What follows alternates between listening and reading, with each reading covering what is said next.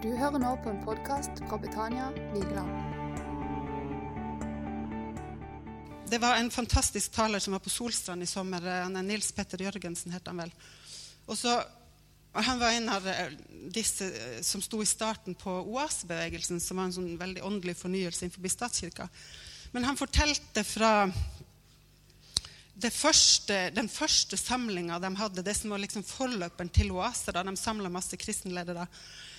Eh, og, og, så eh, kommer Den hellige ånd så sterkt. Og den klappinga de da hørte, eh, det var rett og slett disse klappstolene som bare klapp, klappa sammen når folket reiste seg og knelte ned innenfor Gud og bare ydmyka seg og bekjente sin synd. Og den bekjente likegyldighet og bekjente synd mot andre mennesker. Og han sa det var kø ut forbi telefonkioskene. Det var på den tida det var telefonkiosker. Så i Oslo der ut forbi lokalet, det var telefonkiosk, og det var kø der av disse pastorer og menighetsledere som skulle ringe hjem til sine, til sine familier, ektefeller, barn, venner og be om tilgivelse. Og det var starten på oasebevegelsen, som har vært en helt sånn enorm uh, si, bevegelse med åndsutgytelse, da, i, eh, spesielt innenfor eh, den lutherske kirka.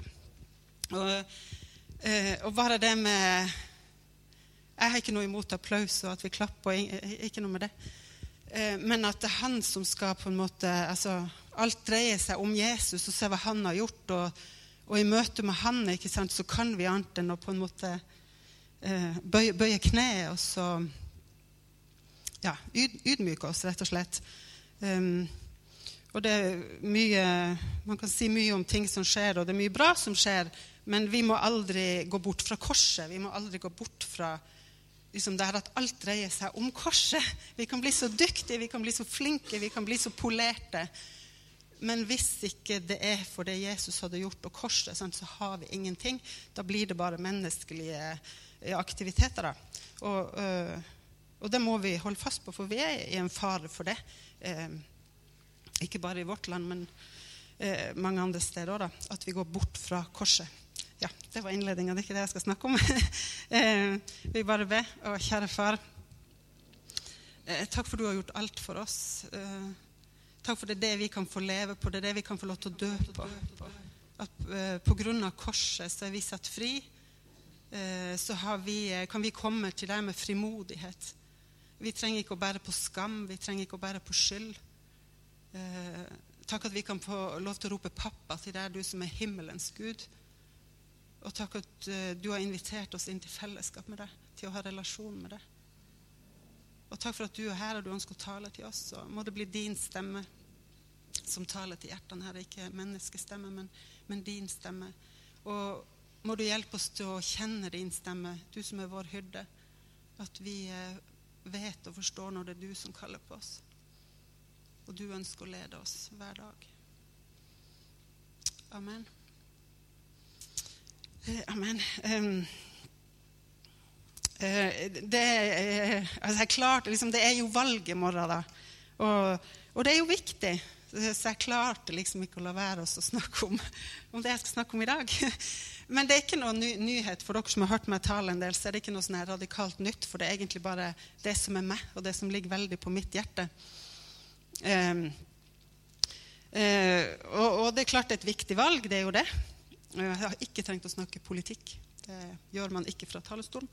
Uh, men uh, så kan det jo være litt sånn at det er forferdelige tider, ikke sant? Og når vi ser hva som skjer ut forbi, og, ja, så så mister du nesten motet, og så tenker man eh, ja, kristendom er ute av skolen. Um, hvordan skal det her gå? Politikerne har liksom revet ned hele fundamentet. Hvordan, eh, vi kan ikke regne med liksom at uh, barna våre skal bli kjent med Jesus i en sånn ugudelig samfunn som vi har. Um, det, det, er så godt at Jesus snart kommer igjen, for nå blir det så mørkt. det er så mørkt, det er så mørkt, så nå må han bare komme og hente oss snart. Og Hvis jeg hadde stoppa der, så håper jeg at du hadde bare røska tak i meg etterpå og bare tror det. Ikke sant? Nå skal jeg virkelig opplyse det her. Fordi ja, eh, det er masse ut forbi som ikke er bra. Ja, det er det. Og så mine barn er sikkert kjempelei av å høre meg si 'les historie'. Få perspektiv på tingene. Fordi eh, vi lever ikke i noe sånn spesielt vanskelig tid som kristne. Vi gjør ikke det. Les historie. Hvis vi skal sammenligne oss med tida de første kristne levde i, hvis vi skal sammenligne oss med tida den mørke middelalder, hvis vi skal sammenligne oss med den tida når f.eks. Hans Nilsen Hauge sto fram Han ble forfulgt av kirka. Så lever ikke vi i spesielt vanskelig tid. Og nå vil ikke jeg si at ikke ting er vanskelig. Ja, det er det. det ja, det er det. Men det har det i grunnen vært altså, de siste 2000 år. Og det vi ikke må gå i fella på, det er at det er verre nå for Jesus, hvis du skjønner. Altså det er verre nå for evangeliet eh, enn det har vært før. For det er det ikke. Altså Det er sånn sprengkraft i evangeliet. Altså, det er så dynamitt, ikke sant?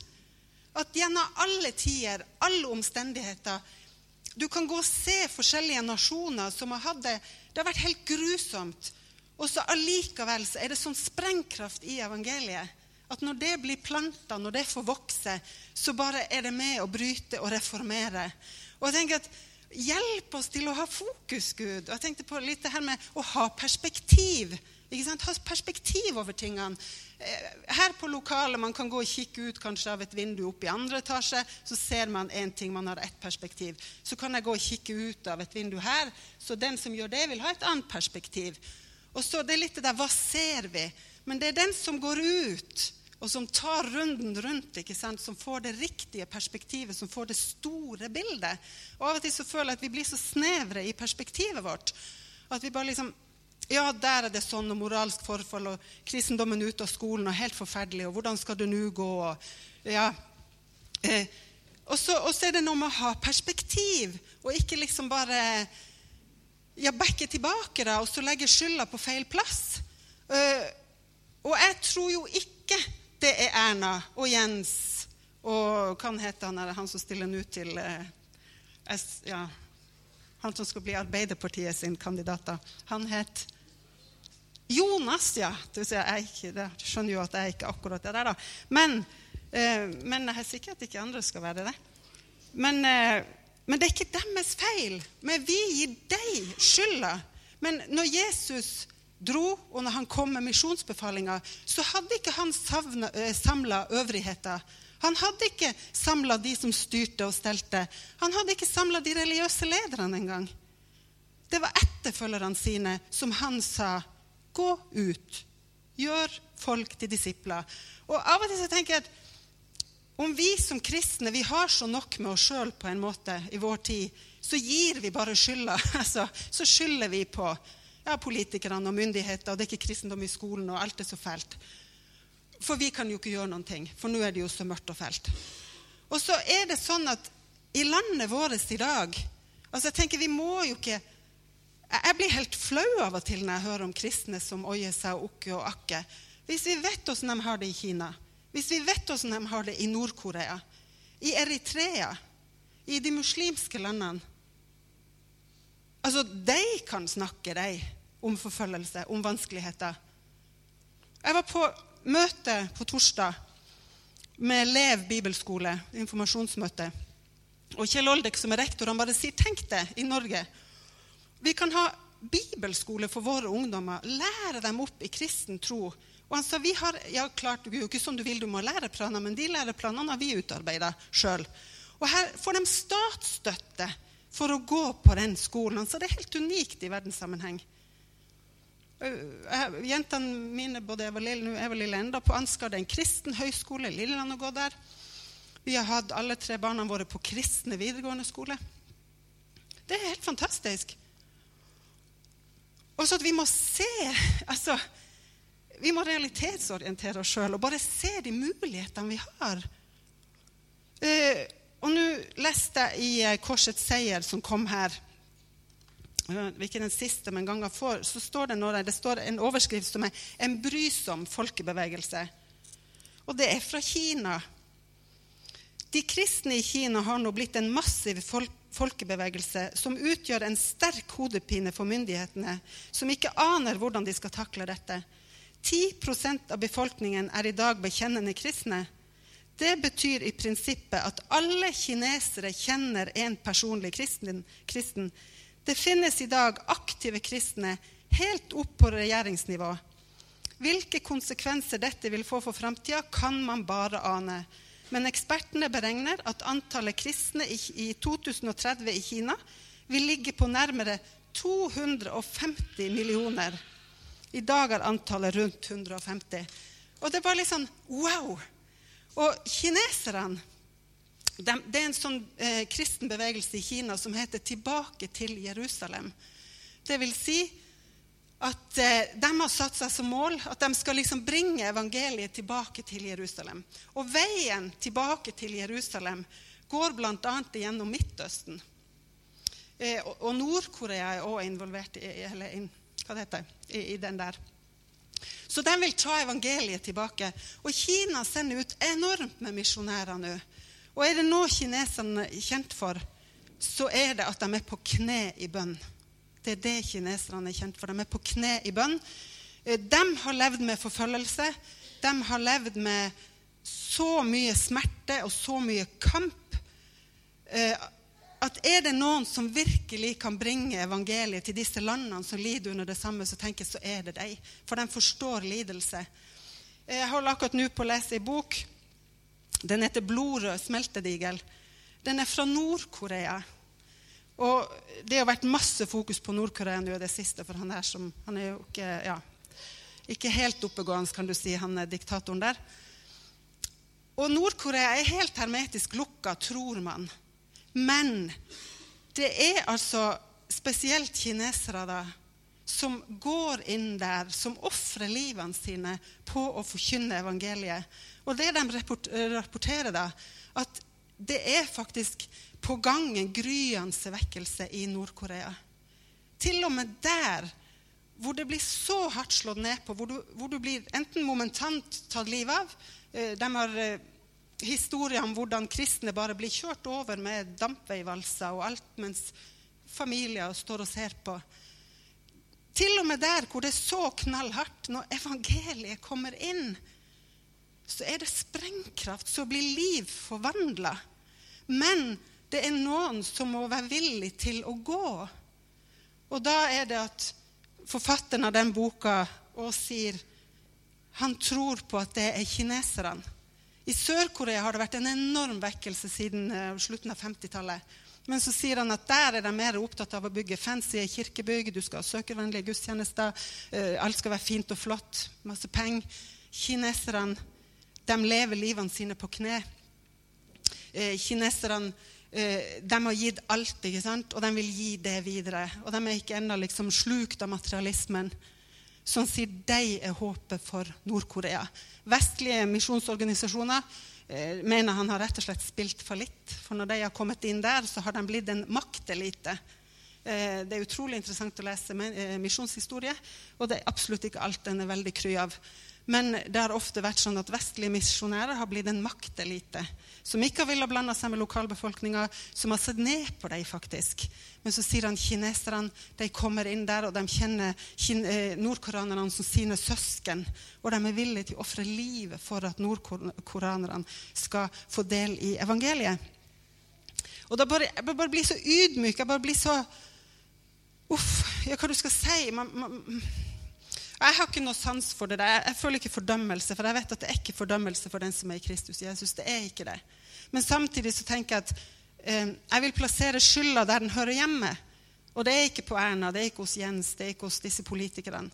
Eh, ansvaret for å utbre evangeliet, det er mitt som troende. Det er mitt som troende. Og, og, som sagt, når man liksom ser hva det koster å bringe evangeliet hit opp til nord, hva det kosta for de menneskene som brakte evangeliet hit opp. Eh, ja, så, så, tenker jeg og takk Gud at det faktisk var mennesker som var villige til eh, å lide, til å ofre, til og med ofre livet sitt. Og det er ikke for ingenting at det der er sånn saying eller ordtak eller hva du kaller det for, det der om at eh, martyrenes blod, det er evangeliets sæd. Altså, det er ikke for ingenting For det er bare gjennom historien så har det vist seg rett og slett at martyrenes blod det er det som er evangeliets sæd. Og vi vil ha det så komfortabelt, vi vil ha det så greit. Vi vil ikke at noen skal le av oss, vi vil ikke at noen skal håne oss. Da får vi nok, og så backer vi ut. Men evangeliet hadde, jeg hadde ikke trodd, jeg hadde ikke hatt evangeliet hvis ikke det hadde vært for at noen ville forlate alt sitt. Var villig til å si 'Jesus, her er livet mitt, bruk det sånn som du vil.' Og skal det ende med døden, så so, so be it. Og sånn har det vært når evangeliet har gått frem, om det har vært til nord, om det har vært nede i Afrika, om det har vært i Midtøsten. Så har det alltid vært sånn at det var noen som var villig til å ofre livet. Og de første kristne, det var enveisbillett. Det var det. Det var enveisbillett. Tenk deg, de forlot alt. Fikk ikke komme hjem igjen. De ofra alt. Og da blir jeg litt sånn flau når jeg følger litt med Jeg driver aldri og kommenterer på Facen eller på debattsider og sånn, men jeg følger veldig mye med. Jeg leser veldig mye debattsider i kristne aviser og følger litt med. Og da blir jeg rett og slett flau når jeg leser. Og jeg blir litt fortvila og sier åssen vi behandler hverandre. Hvor stygt vi snakker til hverandre som kristne. Og da tenker jeg Å, Jesus, gi meg et ydmykt hjerte. Og la meg på en måte være opptatt med mitt kall, og ikke naboen sitt kall og sin overbevisning. Men Gud, la meg være opptatt med deg og det kall du har gitt meg. I Kina Les kinesisk misjonshistorie. Les om misjonærene fra Norden, fra Norge, fra Danmark. Les om kvinnelige misjonærer som reiste ut på 1800-tallet, 17-, 18- og begynnelsen av 1900-tallet. Det er helt fantastisk.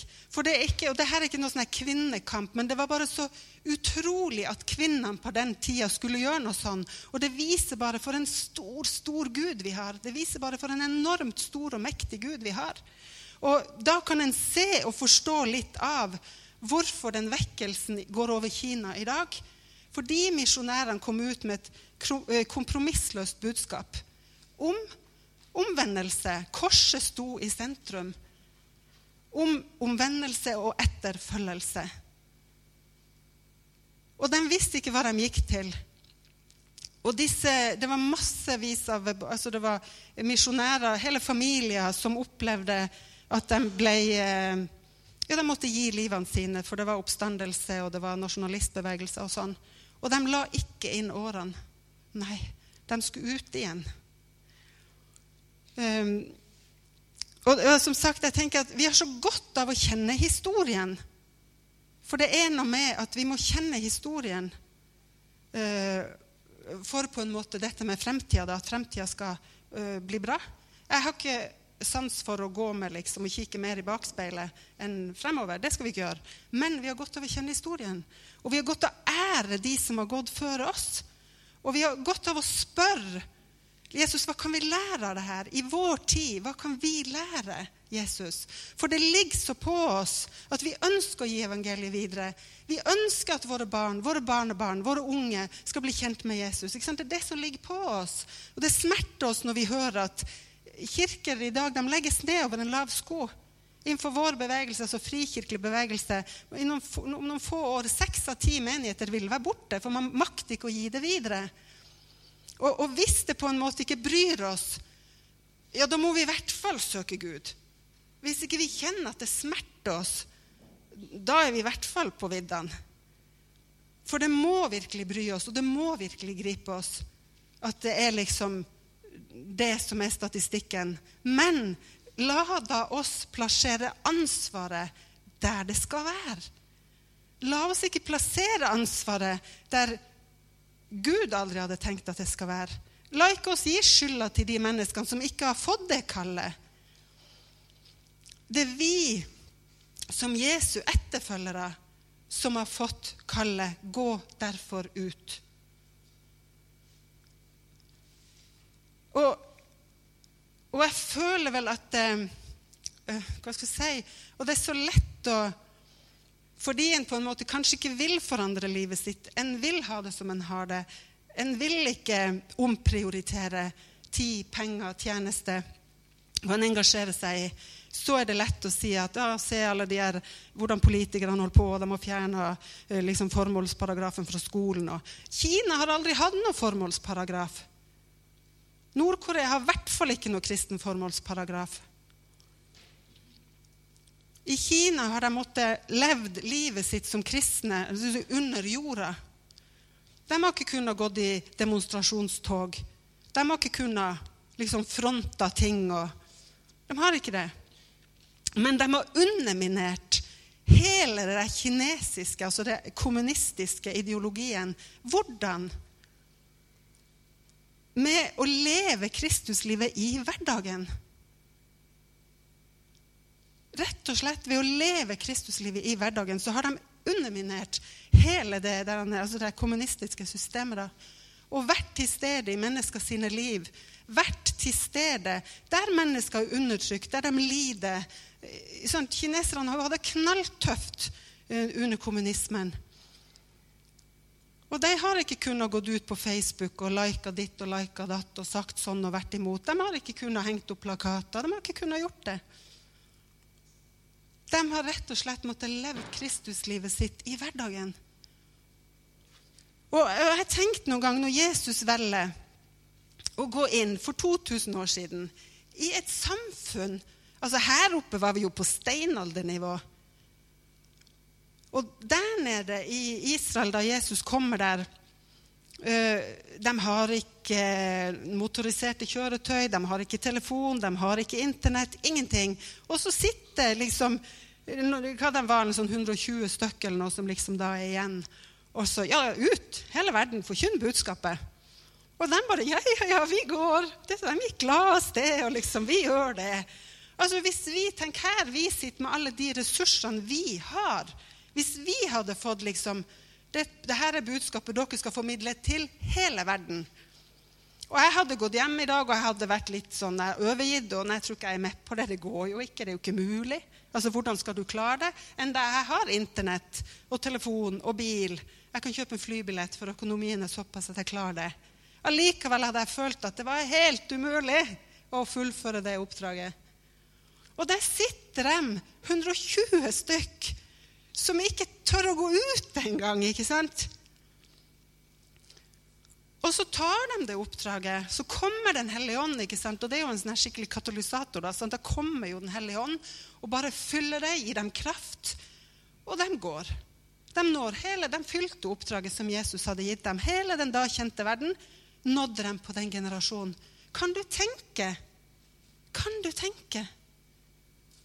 Og da har jeg tenkt, men kanskje også fordi at sånn som vi vi hadde vel, Hvis vi skulle få et oppdrag, jo, men så hadde vi begynt med det der Internett, eh, sende noen mail, eh, noen brev, et eller annet sånt. Og, tro, jaha, og det er jo utrolig upersonlig. Kanskje det er noe av nøkkelen som ligger der. At de her de møtte mennesker. De møtte mennesker i sin hverdag. For det var de òg. Kunne ikke gå ut og flagge. 'Jeg er Jesus' venn. Jeg kan gå i demonstrasjonstog.' De kunne ikke skrive brev til den romerske, romerske keiseren. 'Nå må vi ha kristen formålsparagraf, for ellers så går det ikke bra.' De kunne ikke det. De kunne ikke fronte nasjonalisme. De òg måtte leve, eh, men altså tett på mennesker i sin hverdag. Eh, vi, eh, vi vet da bare hvordan det var for, den, var for den kristne menighet de første hundre årene der. Allikevel så, så sprer evangeliet seg til hele den da kjente verden. Uten våpen, uten tvang, uten undertrykking. De reformerte hjertene. De kunne ikke gå ut mot slaveri og det er mange som har beskyldt Paulus for at han ikke sendte. Hvorfor gikk ikke du? Eh, bare i Aten var to tredjedeler av befolkninga slaver. Tenk det. Hva, hva, hadde skjedd hvis det var liksom på agendaen da i den tida? Men igjen, de underminerte hele samfunnsordninga med å reformere hjertene. Rett og slett. Og når Gud sier det 'Jeg vil gi dere nye hjerter'. Jeg vil gi dere nye hjerter. For det loven blir sånn, sant? sånn, sånn, sånn. Ja, og vi holder oss til loven, for vi er redd for straff. Men mange bryter jo loven allikevel. Men hvis vi får nye hjerter, da holder vi Guds lov. Og selv om det kan være ugudelige lover i et land, når vekkelsen brer om seg, så begynner menneskene å holde Guds lov. Og det er et tankekors. For vi er alle enige om forskjellige lover. det her Abortloven og det er jo forferdelig. Men når ungdommene våre, når vi som voksne, når vi jeg holdt på å si, ydmyker oss innfor Gud, når vi får hans lov i våre hjerter, så trenger vi ikke å benytte oss av de lovene. Vi trenger ikke å benytte oss av de ugudelige lovene. Og så vil det reformeres på tid, på sikt. Det, men det bare ligger så på meg at at vi, hver enkelt, altså der kristne det viste seg gjennom hele historien, der kristne mennesker har reist seg og tatt samfunnsansvar, så er det så dynamitt. Evangeliet kalles for den sterkeste altså sosialreformatoriske kraft. Det reformerer et samfunn. Jan Bjarne fortalte fra Argentina det der med, ja, Når mennesker ble kristne, så opplevde mange naboer sånn at de fikk bedre råd. De, liksom på en måte, de fikk mer velstand. Så sier han ja, for de slutta å drikke opp pengene. De begynte ikke sant, å jobbe. De begynte å prioritere riktig. Og klart de fikk mer råd, de fikk bedre velstand. Bare gjennom det. ikke sant? At du lever eh, og følger Guds lov, at du har fått et nytt hjerte. Og da er det så utrolig viktig at vi, at vi er til stede og det står at vi skal være som han er, som Jesus er i denne verden. Sånn skal vi være. Og det er bare liksom Og denne min Jesus, den frelseren min, hvordan han gikk blant folket. Alle de som var utslåtte, de som folk snakka stygt om, de som folk bare Se åssen dem lever. Men han så hva som lå bak. Når han så dem, så sa han jo det der. Han fikk sånn medynk med dem fordi han var som får uten hyrde. Og når vi ser en ungdomsgenerasjon som gjør så gale valg og jeg får helt sånn her, Tenk at man i dag som foreldre må lære barna at nei, du tar ikke nakenbilder og sender det rundt. Det er ikke lurt. Altså, At du må lære barn ting. Når du skal ta opptaksprøve på videregående skole, nei, så skal du på en måte ikke selge deg sjøl for å bli inkludert. Og så er det mange Vi ser så ned på deg, og vi tenker så stygt om deg. Men er det noen som ser disse unge, da? Som faktisk sliter, og som strever med identitet, med aksept, med skam? Eller bare fordømmer vi? Huff, forferdelig ungdom, ikke sant? Det er en ungdomsgenerasjon som ikke klarer å finne ut. Det er så mye krav. Alle river og sliter i dem. Og du skal prestere. Og de bruker det de har, og de selger seg ofte så sinnssykt billig. Og de vet ikke at de er så verdifulle. De er så umistelige. Og hvem er det som skal fortelle dem det, da? Og så lar vi samfunnet oppdra våre barn og unge. Og si, der må jo bare jeg innrømme å ta den skylda sjøl. At jeg har latt samfunnet oppdra mine barn på de mest grunnleggende og viktigste spørsmålene i livet. Og så kjøper jeg meg samvittighet med å sende dem på en leir hvor jeg håper at de her temaene blir forkynt, så slipper jeg å ta det over kjøkkenbordet. Og det er en sånn unnfallenhet fra oss som voksne. At vi lar amerikanske filmer oppdra barna våre. At vi lar reklamemagasinene oppdra barna våre og oss sjøl.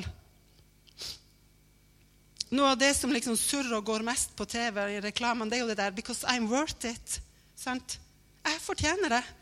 Så alt skal gå foran det, for jeg fortjener det. Altså, Sånn er det blitt. At vi er i sentrum, og vi er så opptatt med å dyrke oss sjøl og dyrke sant, mitt liv, for det. At vi rett og slett lar en barnegenerasjon og en ungdomsgenerasjon på en måte bare seile sin egen sjø og finne ut av tingene sjøl. Og det er kjempealvorlig. Og det handler ikke om pekefinger. Det gjør ikke det. Det handler om kjærlighet. Og det handler om å ha hjertet til deg. Og det handler om og hvordan skal et reelt valg være et valg hvis ikke du vet om flere alternativ enn ett? Hvis ikke du vet om at det er flere alternativ enn det som blir presentert i media, hvordan skal man ta valg da? Og så kan vi være med og gi dem valg, og så handler det om å stå med deg og ikke fordømme. Og så handler det om å være med og se en generasjon som vi kan stå med. Det er tøft om man faller, og alt det der, men at ikke vi fordømmer, men at vi har hjertene vendt mot deg.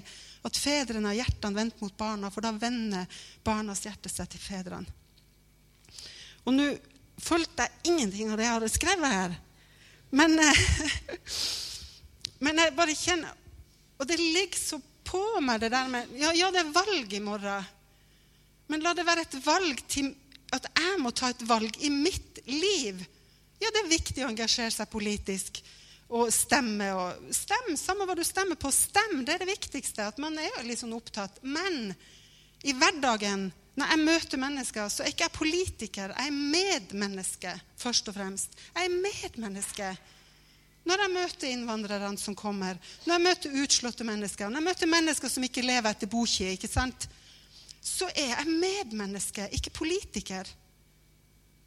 Og jeg er ikke politiker overhodet, ikke sant? Så, eh, så, jeg kan få lov til å møte folk og så være med og vite at jeg har noe som kan sette dem fri. Jeg har noe som kan være med og gi verdi. Jeg har noe som kan gjenopprette. Men hvis ingen forkynner, hvordan skal folk få vite det da? Og det er så alvorlig hvis ingen forkynner. Og ja, hvordan skal folk få vite det?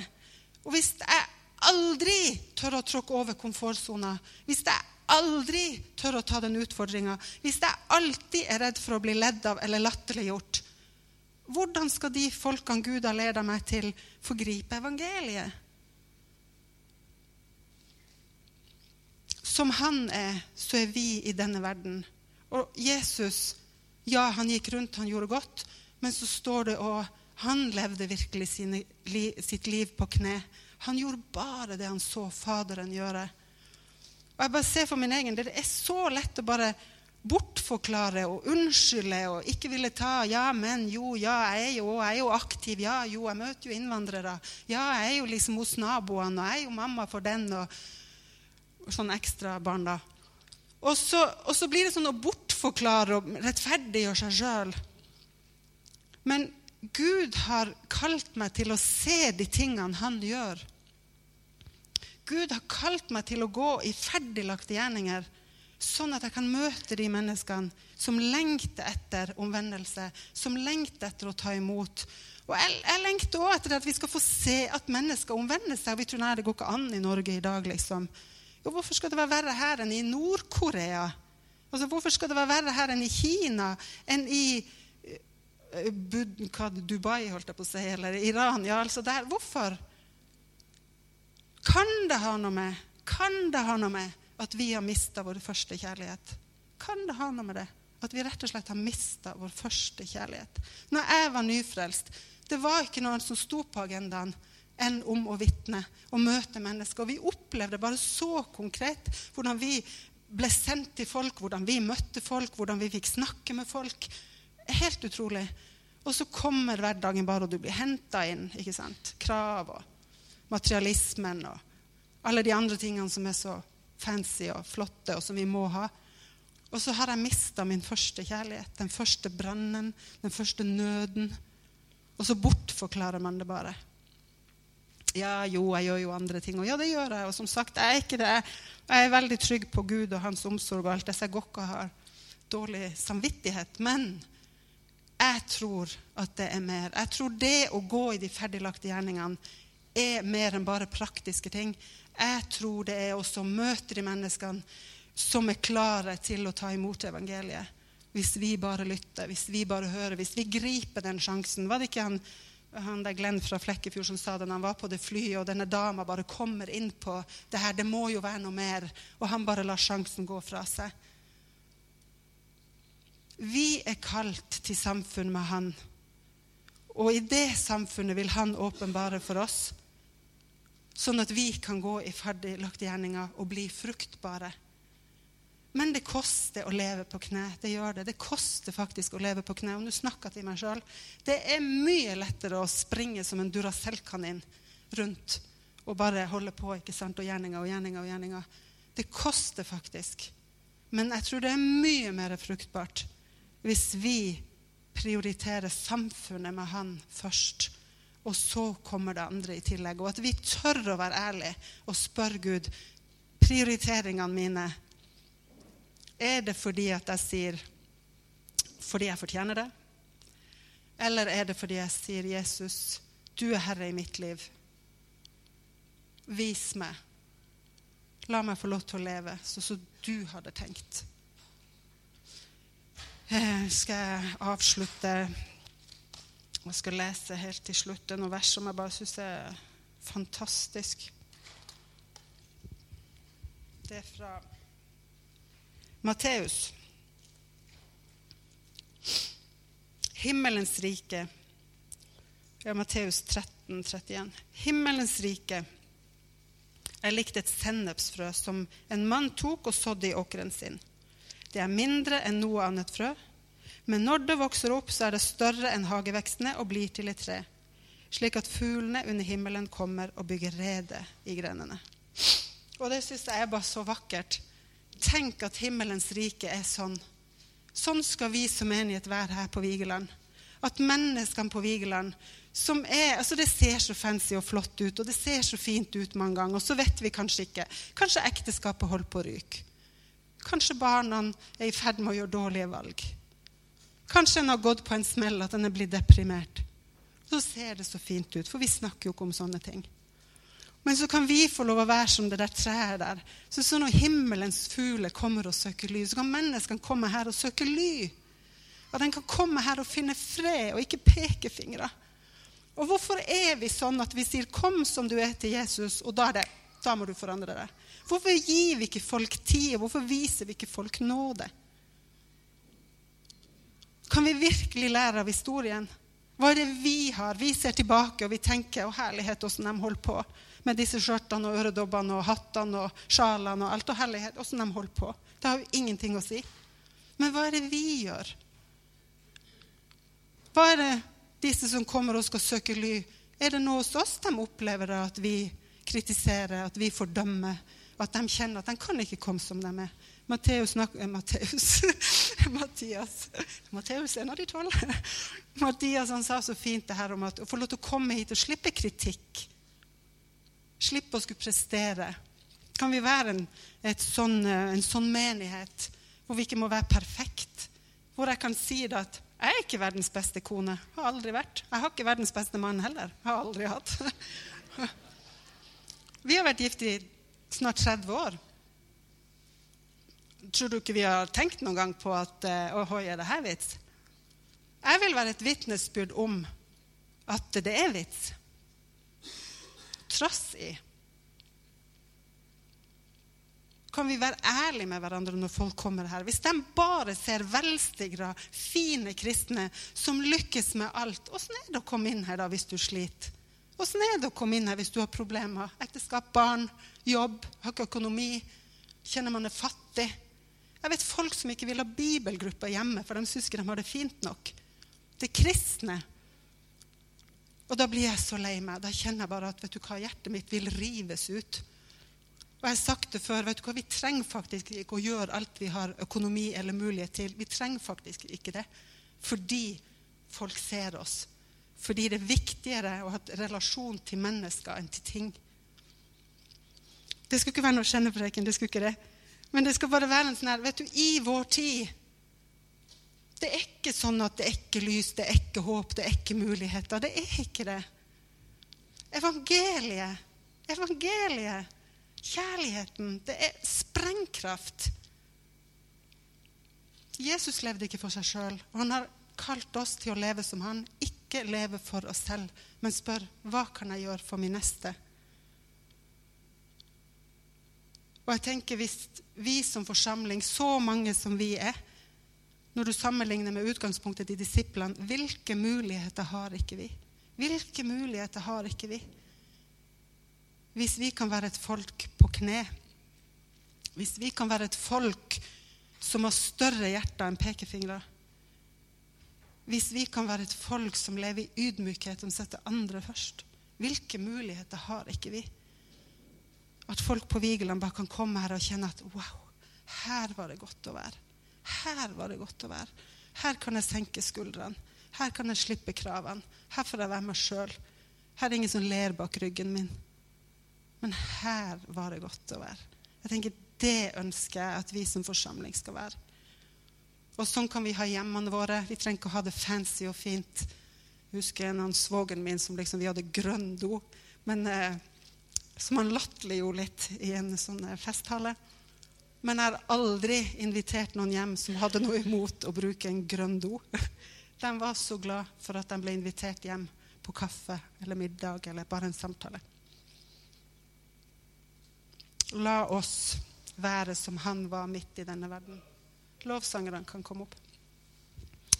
Eh, så er det valg, og det er viktig. Men det viktigste valget er det som jeg og deg tar hver eneste dag. Hver eneste dag. Og det der å bære vårt kors Det trenger ikke være det, å, liksom sånn, å bære byrden, men å bære mitt kors For meg ble det bare sånn å få se hva Jesus har gjort for meg. Hver eneste dag så det er det som skal motivere meg. Korset. Det Jesus har gjort for meg. Ikke byrden av liksom, å, ikke sant, meg fæle syndere. Men tenk på korset, da, som har satt meg fri. At han elsker meg først, så jeg kan elske. Det er for meg å bære korset mitt. At det motiverer meg. At det er det som holder meg tett på han. Eh, skal vi ta oss og stå opp for de som kan det, og så Og så kan vi være innenfor Gud og be Den hellige ånd om å ransake mitt hjerte. Ikke naboen sitt hjerte, men mitt hjerte. Gud, hva har du å si til meg? Og når det er valg, Herre, i mitt liv Hvilke valg er det jeg skal ta for å være ja, i din plan for å kunne leve sånn som du hadde tenkt i den verden som på mange måter er mørk, og det er mye problemer. Men Herre, ditt lys skinner uansett. Og jo mørkere det er, jo tydeligere skinner ditt lys, Jesus. Så bare tal til oss, Jesus, og kall oss ut, og gi oss frimodighet. Og ikke la oss bli mismodige, men la oss virkelig med frimodighet kunne gå både fremfor din trone, ditt ansikt, men også ut i verden med det beste budskapet av alle.